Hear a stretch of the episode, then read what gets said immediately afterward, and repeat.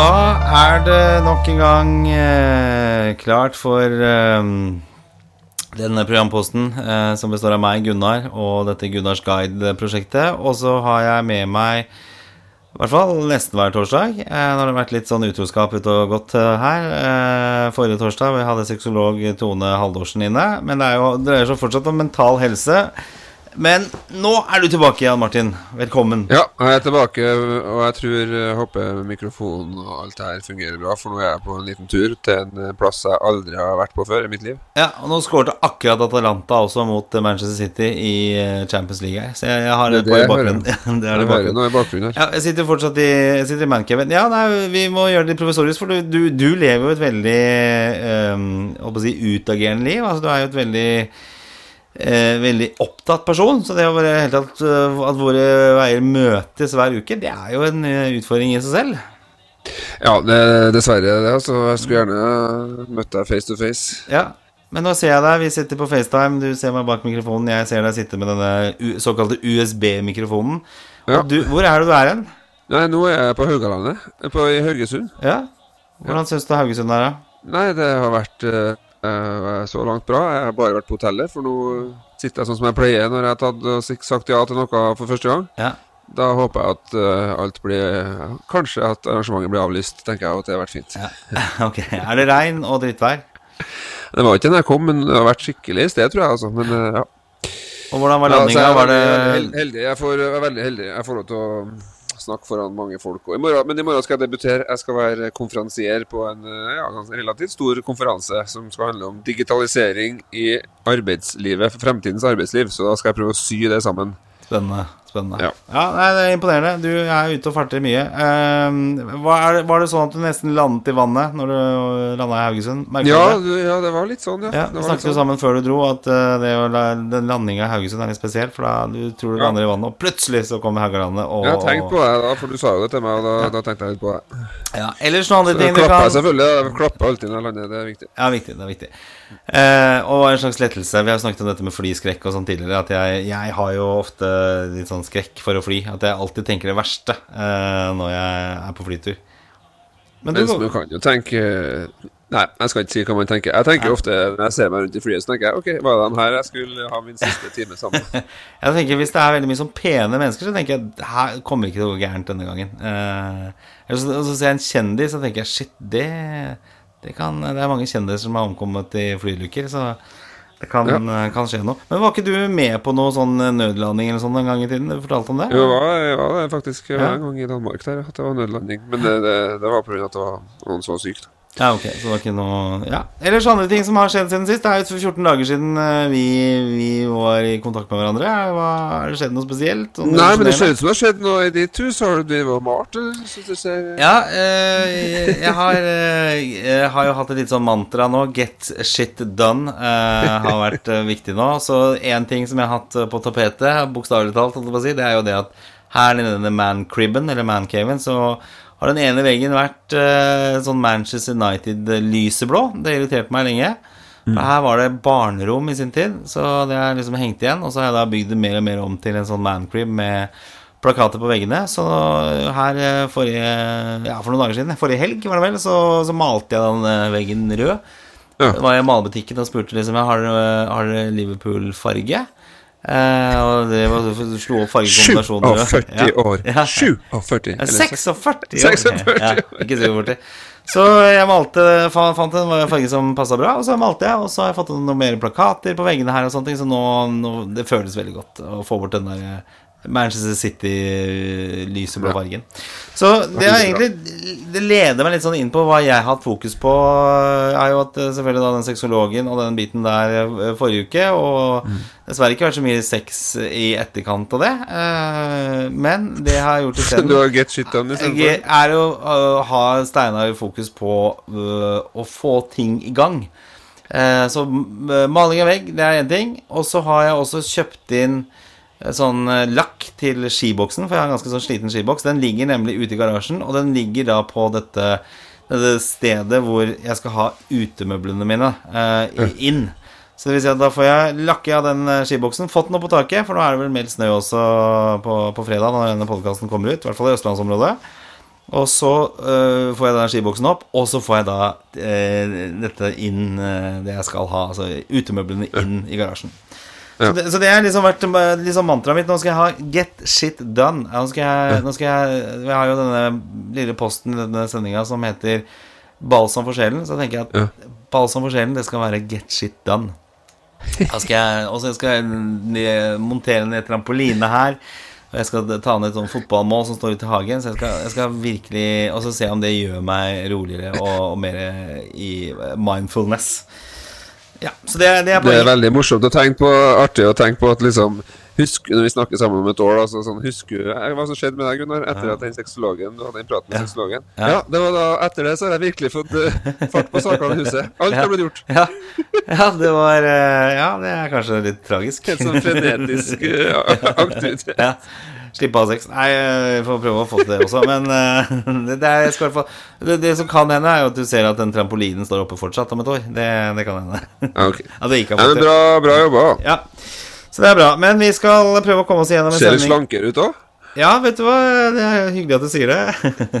For jeg har, eh, jeg har eh, Siden vi snakket sammen, så har jeg faktisk gått ned fire kilo. Herlighet. Knalla fokus, mindre alkohol eh, og mindre mat og eh, Ja, altså i det hele tatt eh, hatt litt fokus på det. Og det har gått ned. Det er sikkert bare vannet som er blitt kvitt nå, men eh, da har jeg på en måte kommet i gang med dette. da så, Egentlig så burde dette her vært eh, i sånn mai måned. Og nå er det waste. Nå er det jo svære jakker, og det er ikke så, så farlig lenger. Men vi får se om vi klarer å holde momentumet. Det kommer litt i gang her.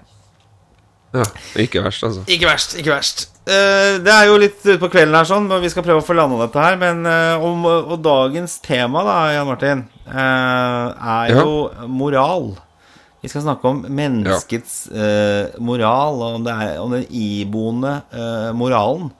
Og, Ja. og, og prøve å grave litt i det. Det er jo mye snakk om moralsk forfall og, og så videre.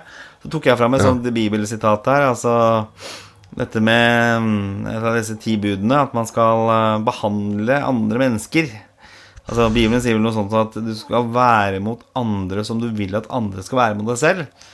Ja, ikke sant? Det som Eh. kalles sånn moralske imperativ til Emanuel Kant, som er en filosof. Ja, ja, du får tro deg på et ord. Eh, ja, det er vel det, det er jo litt det. Altså, det er jo litt sånn utgangspunkt i, i menneskets eh, moral, men eh, fra et sånn psykologisk perspektiv også er liksom eh, all moral iboende, eller hvor mye er det vi lærer oss, og hvor mye er det vi, vi ja, liksom Arv og miljø, den debatten der. Altså, jeg vet ikke hvor, hvor mye du har å si rundt det. Ja, den er veldig den Ja.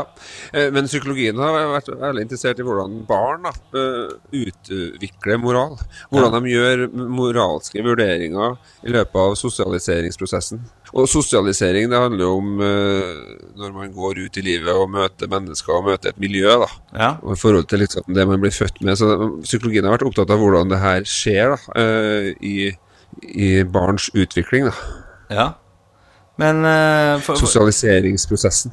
Ja, men den, den utvikler seg hele tiden. Altså, jeg hadde jo hun Dora Torasdottir her, og driver med dette med ehm, eh, det EQ-skolen og sånn, og, og der er det jo mye snakk om at vi, vi mennesker eh, formes veldig i de seks første leveårene, og så, og så stivner vi mer og mer til, og så er det vanskeligere og vanskeligere å endre oss, da. Eh, Også i forhold til Det- moralske perspektiv, kanskje. Ja, og mange vil være enig i det, men mange vil også være uenig i det. For det, det, det er jo ikke sånn at vi ikke kan endre oss etter vi er seks-sju år. Nei, nei, men det er vanskeligere, kan det, kan det være det? Ja, det tror jeg. Men jeg tror ikke det er umulig å endre seg etter man er syv år. Nei. Men det her er en sånn debatt da, om det er, vi, er, det liksom en sånn stabilitet eller en endring i utviklinga vår. Ja. Ja, det er jeg Og i forhold til moralut, moralutvikling så mener man at det liksom eh, At det skjer eh, ideelt sett en utvikling, da. For at man uh, uh, resonnerer mer og mer Hva skal vi si da, litt mer og mer voksent, da. Ja. En sånn enkel resonnering vil jo være at man gjør eh, Man unngår å gjøre feil ting fordi at det, det er forbundet med straff, f.eks. ja, ja. Og så er vel moral eh, litt sånn eh, forskjellig fra kultur til kultur også. Altså, hva er det man oppfatter som riktig rent moralsk? Eh, Ja, det har veldig mye å si hvor, hvor er du lever livet med hvem er du liv, lever livet med. Og kultur blir jo mer og mer nå når vi er i en digital verden. Ja. Kultur handler mer om når. Altså når i og, og, og hvilket årstall er du født? Ja. Altså for Verden har blitt så liten at hvis du 33% av befolkninga er jo født etter år 2000. ja. Slik at eh, dem, det er ikke så farlig lenger når, når man kanskje var født, for det, det er egentlig i hvilket tidsrom som er kanskje viktigere. For at nå er det sånn at vi har så mye digitale hjelpemidler at, at, at vi Før i tida var det vanlig at eh, var det én i gata som har vært i USA, så visste hele, hele området om det. Og folk kanskje hadde kommet en McDonald's-restaurant der du Har du vært i Sverige og vært på McDonald's, så kunne du ha med flagget hjem og henge det opp på veggen. Ah. Men, men liksom, nå er det ikke noe sånn spesielt lenger. Man, verden har på en måte blitt litt eh, mindre på et vis. da ja, ja, og så, så kultur handler mye mer om, om liksom eh, når. ja. Ja. Så, så ja. Men ting har jo endret seg mye. Altså, jeg tenker Det som på en måte var moralsk riktig, da, type sånn avstraffelse av barn Altså, Jeg kan jo huske at jeg fikk jo en Kanskje en ørefik når jeg var liten, eller fikk, ble tatt i øret eller noe sånt nå. Eh, og da Det var vel mer vanlig. Hvor vanlig det skal var, det vet jeg jo ikke. Jeg skal ikke si så mye om, men det var vanligere før, da. At du ga liksom barna avstraffelser eh, på den måten der. Mens nå er det jo øh, moralsk forkastelig hvis du hadde stått på kjøpesenteret og så lugga Ja. sønnen din eller dratt den i øret. Så, så Ja. hadde du virkelig fått øh, mye stygge blikk. ja, og I tillegg så har det blitt nedfelt i barnelov at det er ikke lov med vold mot barn. ikke sant, det er ikke lov, Så, så noen av disse moralske elementene har blitt Og det er jo det at, at moral utvikler seg i takt med samfunnet. Ja. At ting som tidligere var kanskje uh, uh, lov, men umoralsk, har kanskje nå blitt uh, ikke lov. da, At det er lovstridig. Ja. Ja, det, men det er jo fordi at uh, dette har liksom ligget iboende i mennesket, kanskje. da, For det, det er litt sånn min teori, da, at dette det, Denne moralen vi har, altså den der hva som er rett og galt, da eh, At den ligger iboende, men at den på en måte utvikler seg litt forskjellig i ulike samfunn, uh, ulike tidsaldre. Altså I Norge så har vi kommet langt i forhold til demokrati og medbestemmelsesrett og likestilling og alt dette her. Men hvis vi kommer til andre land og sånn, hvor er det og andre kulturer, så er det jo den, den mye lenger bak. Riktig. Men at vi på et veldig kulturspesifikt. ja, men at men teorien er kanskje at man kommer dit. At det er på en måte den, den, den slags eh, menneskelige eh, naturlig utvikling, da. At man ser det at eh, det, skal være eh, likestilling, alle skal være like mye verdt. eh, vi skal ikke løse ting med, med voldelige virkemidler osv. Eh, så begynte vi litt dette her med mm, Men jeg kunne ha sagt litt sånn hva han, hvis noen som er interessert i å lese mer om moral, altså hvordan det utvikles moral, altså en som heter Kolberg. Ja. Og jeg skal ikke snakke veldig lenge, men det er bare sånn, han mente at det var liksom tre nivåer da, man gikk gjennom. Mm. Det var nivå én. Tenk deg barn, de lærer seg moral gjennom straff og lydighet. Mm. Det er ganske enkelt. Straff og lydighet, ikke sant? Ja. Og når man blir eldre, så skulle man tro at moralsk resonnering, altså hva som er rett og galt, det handler mer om gjensidighet. Altså jeg er grei mot deg, og du er grei mot meg. Mm. Og det er veldig fint at vi har det sånn, for at da holder vi oss liksom på matta. Så Ja. hvis du har tanker om å, å, og, og, skader meg, så gjør ikke du det. For du tenker at så lenge ikke jeg skader deg, så skader ikke du meg heller. Så Det er litt den liksom ti på vi begynte på, da. At uh, det du vil at andre skal gjøre mot deg, skal du Ja, riktig. Og da, da kommer samvittigheten inn, og da, sånn som hun sier at, uh, sånn som Freud sier, òg, at den samvittigheten man får eh, gjerne lagd når man, innen man er syv år, for det sier Sigmund Freud, da, at man, man får en slags samvittighet eh, lagd da, eh, eh, den er med på å skape hva som er rett og galt eh, Ja. hos mennesket. Men han Kolberg sier at det er enda et nivå, Ok? som er, som er det med at er sosial kontrakt og individuelle rettigheter, og stadium 6 universelle etiske prinsipper. Okay. Altså at det er noe universelt som Det er bare rett og slett en sånn overordna nivå av hva som er moralsk riktig å gjøre. Ja. Og han ment, forskere mente at ikke alle voksne engang vil oppnå stadium 6. Nei. Så, så det er litt sånn interessant hvor er vi hen når vi, skal, når vi snakker om moral. Eh, snakker vi egentlig bare om eh, Nei, jeg betaler skatt ikke for at jeg tenker at det er noe man bør gjøre i forhold til å bidra. Nei, jeg gjør det for, primært for å unngå straff. Ja. Da vil man tenke at man resonnerer på et lavere nivå. Men det er litt sånn eh, jeg Du snakker om det med utvikling også. For jeg, jeg husker jo eh, i ungdomsårene så var jeg jo notorisk sniker eh, på Ja. kollektive transportmidler. Mm. og liksom mente det var for dyrt og ga faen egentlig å, å, å gjøre noe Betale i det hele tatt. Mens nå er det fremmed for meg å gjøre det. Selv om sannsynligheten for å bli tatt eh, fra, fra Nationaltheatret, som jeg tar eh, ofte toget, altså i Oslo, Ja. til Blommenholm stasjon eh, Det er det kanskje på de Hvor mange år har jeg tatt toget der? Det er mange år. Så er det vel kanskje på én hånd jeg kan telle hvor mange kontroller det har vært. Har du blitt mer moralsk? Ja, ja, så tenker jeg det at øh, hvis jeg skal sitte der og ikke betale og ikke være en del av fellesskapet og ikke liksom bidra noe her, eh, da er jeg for det første ikke noe grunn til å klage over dette tilbudet i det hele tatt, hvis det skulle være noe grunn til det. Det gjør jeg vel for vidt sjelden nå, for jeg syns tilbudet er bra nok, eller bra. Eh, men altså rett og slett at det ikke er med og bidrar. Eh, at det er dårlig gjort i forhold til andre. Men det er, det er en moralsk betraktning som jeg definitivt ikke hadde for 20 år siden, eller ja, jo, ja, 25, 25 år siden, da. Nei. Eh, som har utviklet seg veldig. Og det har vel også litt med skatt å gjøre også. NRK-lisensen og alle disse tingene her, da, som man eh, etter hvert begynner å føle litt mer ansvar. At man liksom Det å være med og bidra, da, er viktig. Ja. Det, er, det har endret seg ganske mye. Eh, interessant. Eh, jeg har også plukka fram en annen ting her. Ehm, Ja. for jeg begynte jo dette der med Med litt sånn bibelske sitater, og jeg jo på ingen måte eh, kristen, men det er jo én ting For jeg, det begynner vel egentlig med den filmen Seven, eh, som jeg syns er bra, med Brad Pitt og Morgan Freeman osv. Uh, Dødssyndene? Dødssyndene. De syv dødssyndene. Ja. Uh, og da tenkte jeg liksom, ok, uh, kanskje linke dette her litt opp mot uh, moral, da. Altså er det noen eh, holdepunkter i disse dø- dødssyndene som man kan trekke inn i liksom moralske begreper. Og så, når jeg fant fram da disse eh, dødssyndene så, på Wikipedia Først, Dette er jo ting som kommer fra katolisismen. Og det er jo ingen holdepunkter i Bibelen som sier noe om dødssynden i det hele tatt. Det er bare tolkninger, ikke sant. Eh, og det betyr Ja, at så nå er vi i katolisismens verden her. ja da, og den er jo, det er jo skrifting hver uke, og det er jo ikke måte på hvor mye synder de, de skal Jo, Ja, men vi kommer til å forstå hvorfor det må skriftes, da. For vi kommer til å skjønne noe, vi, kan jo, vi kan jo hive ut noen av de eh, Ja, ja, syndene, så skjønner, skjønner vi at det blir behov for å skrifte. Ja, for de, de har jo syv eh, dødssynder, og det kan også kalles for kardinalsynder. Eh, Alvorlig, med andre ord. Kardinal, da er det alvor. Da er det alvor. Og da er det også på andre siden eh, eh, kardinaldyder.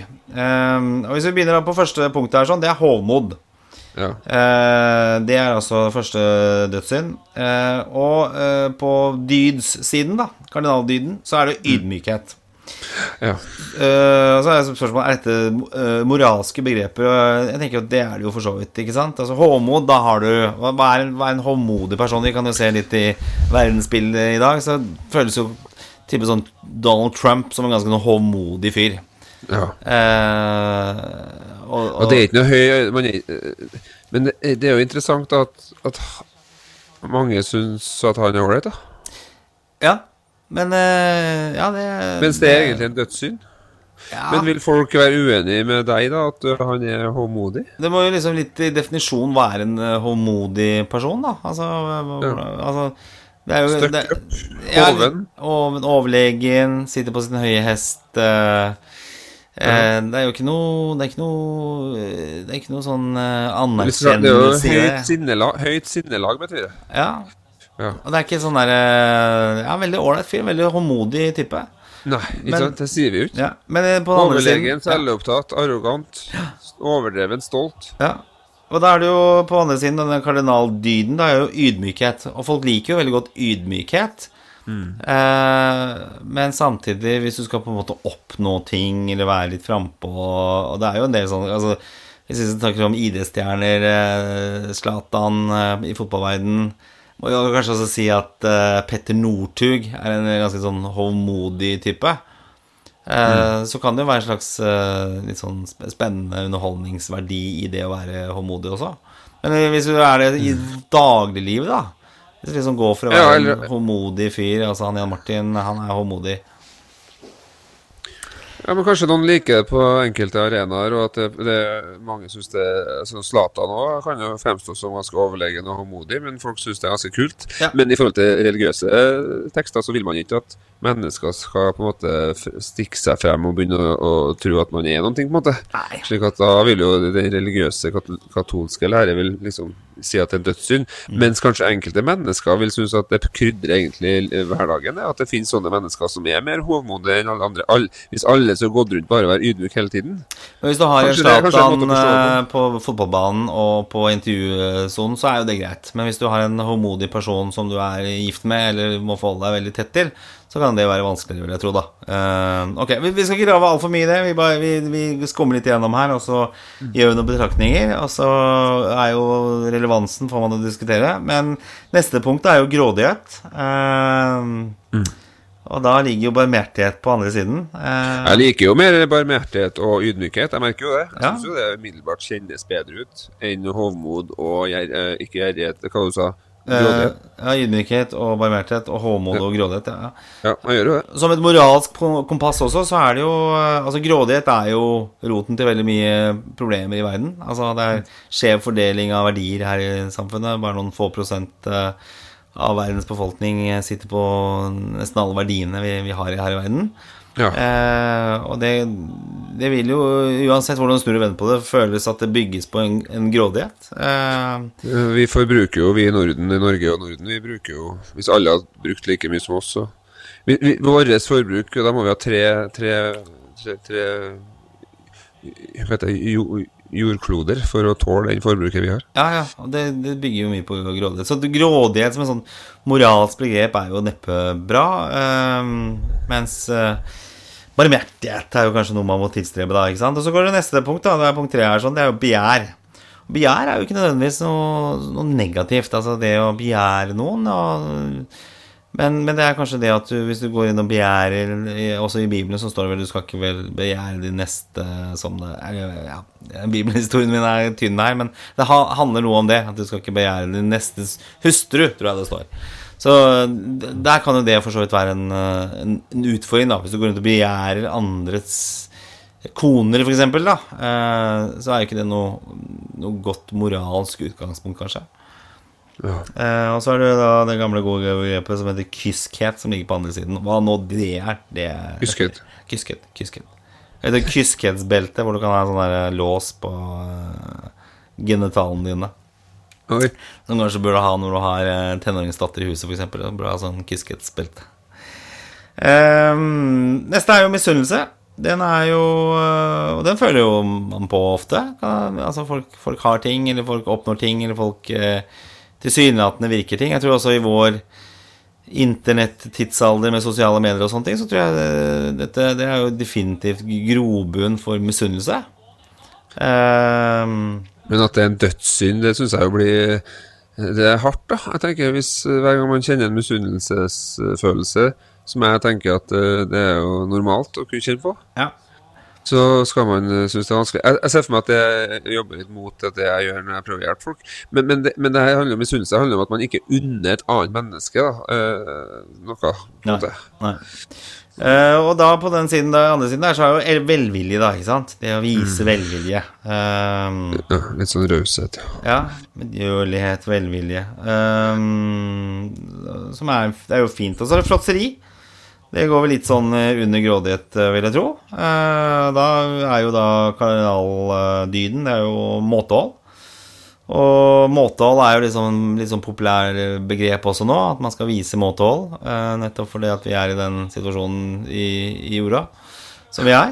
Men at definitivt fråtseri er jo ikke noe Det er ikke et godt moralsk begrep, da, syns jeg.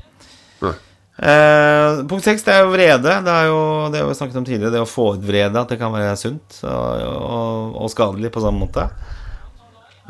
Eh, og så har du tålmodighet og tilgivelse i den, den andre enden. Og så er det det syvende, det er jo latskap, da.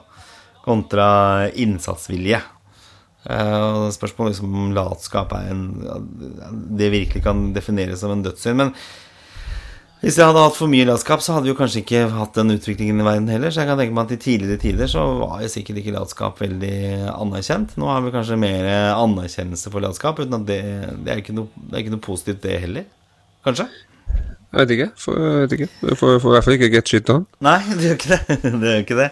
Så eh, vært litt sånn toucha litt inne på dette her. Sånn, disse, for jeg har alltid liksom tenkt at disse sydødssyndene har Det er sånn grobunne problemene her i verden, da. Men når vi ser litt nærmere på det og begynner å grave litt i det, så er det kanskje ikke hele svaret på liksom, ok, hva slags type moralsk kompass er det vi skal liksom eh, definere oss etter her, da, ikke sant? Ja. Men det er interessant. Eh, og så er jo liksom spørsmålet da om liksom dette med moralen, hvordan den, den endrer seg hele tiden. Den pushes hele tiden. Vi har jo hatt en debatt eh, den siste uka eh, med et program som vi begge setter pris på, nemlig Radioresepsjonen og Tore Sagen. eh, som gikk eh, ganske hardt ut i forhold til satire. Og fått mye kritikk for det. Jeg eh, vet ikke hvordan du reagerte når du, om du hørte det, eller når du hørte det. Men eh, jeg syns jo det var veldig morsomt. Jeg hørte det forrige tirsdag. og Jeg, jeg, jeg syns ikke det var umiddelbart morsomt, men jeg lurte på om det var om, Det var morsomt Det var litt interessant å høre at de to andre i studio der, når han Tore Sagen eh, hadde sin, eh, sitt innlegg når han skulle prøve å få dem eh, flau, Ja. at de ble helt stille. Og, og, og, og så tenkte jeg, jeg tenkte med meg selv du, Det her går jo ikke. Nei. Nei? Klimafornekter og rasist. Ja. ja, nei, det, nei jeg, jeg, jeg tok jo den med en gang, for det, det er jo å gjøre narr av sånne type eh, meninger, sånne type holdninger. Så jeg det var Ja, men det er jo det at det så finnes så mange sånne mange mennesker som, eh, som, eh, som er sånn, og det er til veldig besvær for mange av som opplever rasisme, da, ikke sant. Så da det vært ja, Det er jo derfor det har blitt så mye bråk, da. Ja, det er jo det. Også. Men det blir jo veldig sånn der det, at folk blir så lett krenka at det er på en måte Og så er det Da tenker jeg, hva er det jeg Kan jeg si eh, eller eh, slå fast om noen blir krenka eller ikke? Altså, det, er jo egentlig ikke opp til meg. Altså, krenking er jo på en måte opp til enhver enkelt å bli krenka. Eh, og det å bli krenka er vel kanskje et slags uttrykk for at liksom, ok, et slags moralsk kompass, da, hvor du setter liksom en, en grense at ok, det her syns jeg ikke er ålreit. Så Hvis vi skal, skal på en måte godta absolutt alt, da, sant? hvordan strekkes den strikken der? Hvor, hvor, hvor, hvor mye skal vi godta etter hvert? Altså, bare sånn kringkasting Sjargongen eh, ikke sant? nå kontra for 20-30 år siden er jo veldig, veldig annerledes. Og så er spørsmålet er det, er det helt greit at man kan si pikk og fitte liksom, uten at eh, noen egentlig bryr seg om det? Eller er det på en måte Ok, her burde vi satt kanskje et moralsk kompass at liksom det er ikke greit. Det, det, det gidder vi ikke. Men da, da blir du lite eh, framoverbøyd og, og, og oppfattes litt gammeldags, da, kanskje, ikke sant? Så, Ja, det blir litt sånn kjør debatt over den her, da. ja, det gjør det. blir debatten. Ja, så det, det med moral er jo et Jeg tenker Vi toucher litt inne på det nå, men jeg tenker at vi, vi, vi bør jo komme, komme tilbake til det. Eh, og, og diskutere litt nærmere. Og tenke liksom litt mer igjennom hva, hva, vi, hva vi mener med moral. Og så er det kanskje noen sånne normer her, og eh, noen sånne uskrevne regler som eh, var rett og galt, ikke bare lovtekster. Ja. Og, og humor og eksempelet med Tore Sagen er jo et eksempel på når man begynner å En norm blir synlig hvis du bryter den, da. Ja. Og, og noen mener at han brøyt, eh, brøyt med det som eh, som er greit, mens andre mener at det gjorde han absolutt ikke. ja. Og da det blir synlig hvor vi er når det gjelder det temaet han tok opp der. da. Ja, ikke sant, ikke sant ja. Ja, men man strekker kanskje den moralske strikken hele tiden Da, at det ikke nødvendigvis er um, negativt da Å si liksom det at ok, kanskje vi setter en liten strek her Kanskje vi skal sette et moralsk eh, punkt Hvor vi, hvor vi liksom definerer hva vi synes er greit og ikke greit At eh, man, man fortsatt kan ha muligheten til å gjøre det Ja. Bra. Eh, klokka begynner å tikke her sånn. Vi, vi tenkte at vi ville gjennomføre dette her sånn, selv om det var en hektisk hverdag, og at vi, vi er på forskjellige kanter av landet og sånne ting. Og du skal ha en eh, lang og hard dag i morgen, eh, Jan Martin, så skal ikke holde oppe så lenge. Du har sikkert litt å forberede. Ja da. Eh, jeg har en lang og krevende dag i morgen også, men eh, jeg har jo skrevet en liten kronikk, og det føyer seg jo litt inn i i tematikken med moral her. Eh, I denne sendinga, eller denne podkasten hadde om sex med sexologen, så var vi jo innom dette med russelotter. Eh, som jeg, eh, for å si det litt sånn gammeldags, syns er moralsk forkastelig. Så eh, ja. Så jeg har rett og slett laget en kronikk. Jeg tenkte vi skulle avslutte med den. Veldig bra. Ja. Og så var det Abraham Lincoln som sa, apropos moral, at Ja. When I do good, I feel good. When I do bad, I feel bad. And that is my religion. Jeg lar det bli siste ord fra meg. Ja, Jan Martin. Jeg har altså skrevet en kronikk Eh, det er litt ref fra forrige ukes eh, sending, som handlet om sex, og sexolog Tone Haldorsen. Vi snakket om russelåter. Vi var ikke spesielt imponert, eh, noen av oss. Um, og jeg har skrevet noen ord om, uh, om russelåter, og hva jeg mener om russelåter. Sikkert mange som uh, er uh, jarnisk når de hører dette her. Mange som mener at det er en gammel idiot. Det får så være. Jeg begynner som følger, i hvert fall. Hei, hei, hå, alle dere russ. Alle som har vært, alle som skal bli, alle ungdommer og foreldre. Skru ned musikken litt nå. Se litt opp fra YouTube, Snap Netflix, Exelark, eh, Outlook, eh, Facebook, eller hvor enn dere måtte ha konsentrasjonen deres akkurat nå, og hør etter. Og dette gjelder som sagt like mye dere som er foreldre eller foresatte til noen som skal ut i russefeiringens gleder. Nå skal vi snakke om dette med fenomenet med såkalte russelåter. Da jeg var russ, i gamle dager, i 1992, og der omkring, så var en russelåt egentlig den låta som var populær på det tidspunktet. For mitt vedkommende så husker jeg det var Thunderstruck med ACDC, gledelig nok. Uh, James Brown Is Dead med en gruppe som heter LA Style. Og så hadde vi Jump med et band som het Criss Cross. De hadde sågar buksene bak fram. Dette var de låtene som vi dansa til. Men altså med tiden så har produksjonen av disse eh, russelåtene, eller eh, det russen kaster seg inn i dansen, eh, beveget seg litt eh, nærmere vårt eget eh, land. Eh, egentlig helt nærmere vårt eget land, fra kontinentet til de hjemlige trakter og lokale produksjonsselskaper. Før tjente aktører som russeservice og andre former på hvert eneste russekull, i form av salg av selvfølgelig russedresser, russeluer, Russestokker husker jeg var populært, eh, og sikkert masse strykbare bokstaver. Og dette er selvfølgelig big business fortsatt. Eh, jeg har en garasje full av doruller som eh, tyder på det. Men snikende har altså produksjon av russelåter skreddersydd til bussens konsept. For konsepter er jo selvfølgelig jævlig viktig, og det er for så vidt ikke noe problem. Jeg skulle gjerne hatt en egen låt, kanskje til og med et konsept, for russebussen vår. Den het Wild Thing, det var altså i 1992. Og for så vidt hadde vi vel også en låt, men det var en gammel haug av en låt fra 1960-tallet, fra et band som het eh, The Trogs, engelsk band, med låta nettopp Wild Thing. Nok om det. La oss begynne med det musikalske. Etter min mening, etter min klare mening, er alle låtene helt jævlig i mine ører. Det får stå for min egen uh, regning, men det mener jeg helt grusomt. Musikalsk sett ikke en verdi i det hele tatt. Og for å bruke en gammel og uh, slitt, eh, eller kanskje ikke slitt, men en gammel referanse fra en film som Tom Mathisen og Herr Osvald ga ut, eh, som het Showbiz. Der forekommer det følgende tekstlinje. Æh, den låta er jo så dårlig at de måtte skrive den om før de heiv den. Det er det jeg tenker om russelåter.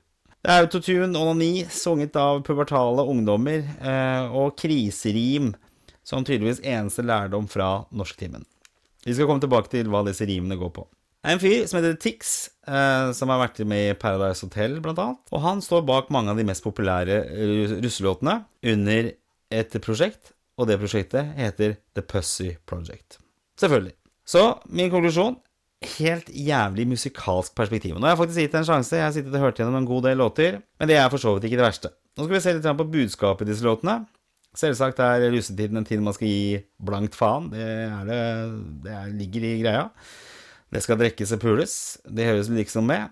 Det gjorde jo selvfølgelig jeg også, og mange med meg, men det var kanskje litt mer drikking enn puling, for å være helt ærlig. Uten å virke for gammel var ofte budskapene ganske så harmløse. Vi hadde disse russekortene våre, og jeg husker kanskje det mest kontroversielle budskapet var en kamerat, hvis navn ikke skal nevnes, der budskapet på hans russekort var 'Kvinner er som gressplener, slå oss ofte og holdes nede'. Ikke nødvendigvis øh, øh, hyggelig i forhold til kvinnen, men det har da blitt folk av mannen, og fyren er jo gift og har barn. Så la oss ta en liten kikk på dagens russelåter. Hva er det tekstene inneholder? Vi har en her, som går som følger. Vil du være med meg hjem hvis jeg skjenker deg med sprita? I kveld er det lov å være hore. Så har vi en flott her også. Eh, er du 13, er du med. Når du suger, så gå ned. Og her var det jo selvfølgelig en kontrovers eh, på denne skolen, eh, hvor disse russene holdt til. Og da var det en russepresident som uttalte som følger at dette var jo ikke annet enn humor. Kjempemorsomt. Men det gikk så langt i hvert fall at de endret tekstlinjen fra 13-åringer til 16-åringer. Halleluja. Mer her. Kom, bli med, ned på kne, lille ruremus. Tar deg med til et fullstappa horehus. Eller kanskje noe mer harmløse. Bli med på rulletur nå, og la oss drikke til vi ikke kan stå. Eller kan få stå. Jeg vet ikke. Her er også en annen litt søt. Jeg har ikke noe verdighet igjen, men jeg har da masse kokain og spenn. Som sagt, kriserimene sitter løst der. Det som kanskje er det mest alvorlige her, er jo litt kvinnesynet her. Altså hva, hva, er det man synger, eh, og hva er det som er budskapet her? Og det er jo ikke annet å tolke enn at uh, damer, jenter, det er horer i russens øyne. Det hadde for så vidt ikke vært noe problem, det, men hvis vi begynner å se litt på tallene her, da. For det summa summarum så ser vi at det er en markant økning i overgrep under disse feiringene. Mange mørketall også, mye som ikke blir rapportert pga. skam. Og det er kanskje ikke så rart når det er liksom overivrige gutter her på 100 promille, og så er det voldtektslåter som durer i huet. Det kan ikke gå særlig bra. Og skal vi se litt på tallene, da. For det ligger noen tall her. Jeg har gjort noen undersøkelser. Uh, Optimum har gjort en undersøkelse for noe som heter Actis. Uh, litt uheldig navn, kanskje. Gjennomført en spørreundersøkelse blant 1000 ungdommer fra 15 til 20 år og den viser at russelåter er mer enn eventuell drøy eller dårlig humor. Ungdommene mener selv at sangene påvirker holdninger, og tallene viser som følger. 46% mener at de øker aksepten for å drikke seg full. Ja ja, sånn er det. Men kanskje litt mer alvorlig. 36% det er et ganske høyt tall, mener at de øker aksepten for å ha sex med en person som er for beruset til å være med på det altså overgrep, voldtekt etc. 36 mener at uh, pga. disse russelåtene så er det mer aksept for å gjøre det. Og Kanskje ikke så rart når man hører på disse tekstene heller. 24 mener at det øker aksepten for å prøve narkotika. Så er det vi foreldre, da. Eh, kanskje det er her vi burde gå og sette foten litt ned, snakke litt mer om holdninger til eh, gutta våre. Men vi er litt curlingforeldre, da. Og eh, vi har kanskje ikke baller nok til å gripe inn og fortelle avkommet at uh, Eh, det de synger, og det som eh, denne russebussen står for, kanskje ikke er helt bra. Men vi tenker vel kanskje også stakkars, disse gutta skal vel ha det gøy også. Så lykke til, alle sammen. Lykke til med russefeiringen 2020, eh, og tusen takk for meg.